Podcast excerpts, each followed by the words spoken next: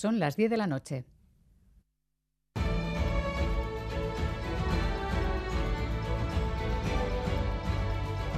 Radio Euskadi y Radio Vitoria. Servicios informativos. Repasamos los titulares de la jornada con John Fernández Mur, Gabón. Gabón, Miriam, noticias de este lunes 17 de abril en el que comenzamos hablando de la ley de vivienda. Una ley de vivienda que según el PNV constituye una clara invasión competencial. Aitor Esteban.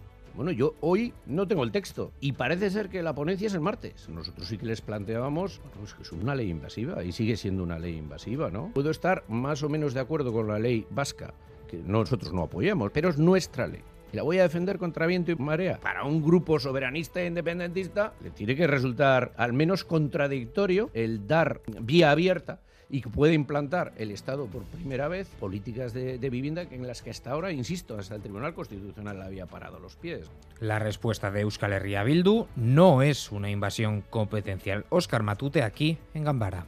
Esta ley, la que se va a aprobar en el Congreso de los Diputados, no invade eh, en modo alguno la competencia de la Comunidad Autónoma Vasca para hacer cosas. Como ha dicho hoy el consejero de Vivienda, el señor Arriola, en todo caso habilita, habilita y facilita que eh, los poderes públicos, ya sean comunidades autónomas o ayuntamientos, que también tienen competencias en materia de vivienda, puedan desarrollar políticas. Y el socio del PNV en el gobierno vasco, el PSE, ve positiva la ley. El consejero vasco de Vivienda es el socialista Iñaki Arriola.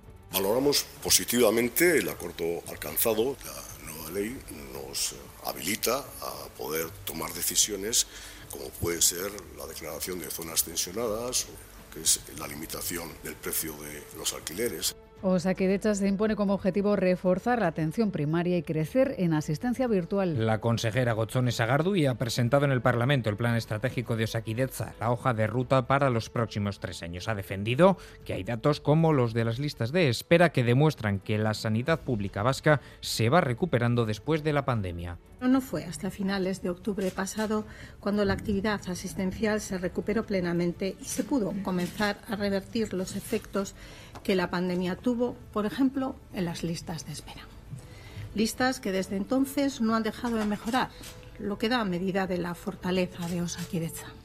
Los delitos de odio crecieron un 57% el año pasado en Euskadi. Y son ya cuatro veces más que antes de la pandemia. El colectivo Diana, más destacado, sigue siendo el árabe. Sufren tres de cada diez incidentes de este tipo, seguidos por el colectivo homosexual. El PSOE avanza en la negociación con el Partido Popular para sacar adelante la reforma de la ley del solo sí es sí al margen de su socio de gobierno. La votación es el jueves y de momento hay un principio de acuerdo que no aborda la rebaja de penas. El PP dice que los socialistas aceptan ahora sus planteamientos. Desde el PSOE, sin embargo, afirman que hasta ahora solo han aceptado cambios semánticos. Borja Semper PP, Pilar Alegría PSOE de las exigencias fundamentales que le hacemos al Partido Socialista es garantizar la seguridad jurídica, que no haya ni un solo resquicio para más chapuza. Hay otra serie de flecos que de aquí al jueves esperamos que se que se puedan acordar. Estas son enmiendas de carácter semántico, única y exclusivamente. Son enmiendas eh, de mejoras técnicas. Ninguna de esas enmiendas afectan al corazón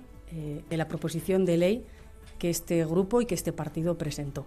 Y en Francia, primera aparición pública del presidente Emmanuel Macron tras dar el visto bueno definitivo a su reforma de las pensiones. Reconociendo que no ha logrado construir un consenso, pero destacando que algo había que hacer, Macron ha subrayado que ha sacado adelante la reforma porque era necesaria. Un consensus n'a pas pu être trouvé et je le regrette. Ces changements étaient donc nécessaires. Constituye un esfuerzo reconocido, pero ni bajar las pensiones, ni aumentar las cotizaciones, ni no hacer nada eran opciones, según el presidente francés, que ha querido mirar al futuro. Ha presentado una hoja de ruta con propuestas de mejoras salariales en algunos ámbitos, llamada también a los sindicatos para rediseñar la redistribución de la riqueza, pero por el momento ese llamamiento queda sin efecto, continúan las protestas en contra de su reforma. Es todo, así terminamos. Más noticias en una hora y en todo momento en itv.eus en la aplicación ITV Albisteac. Gero arte.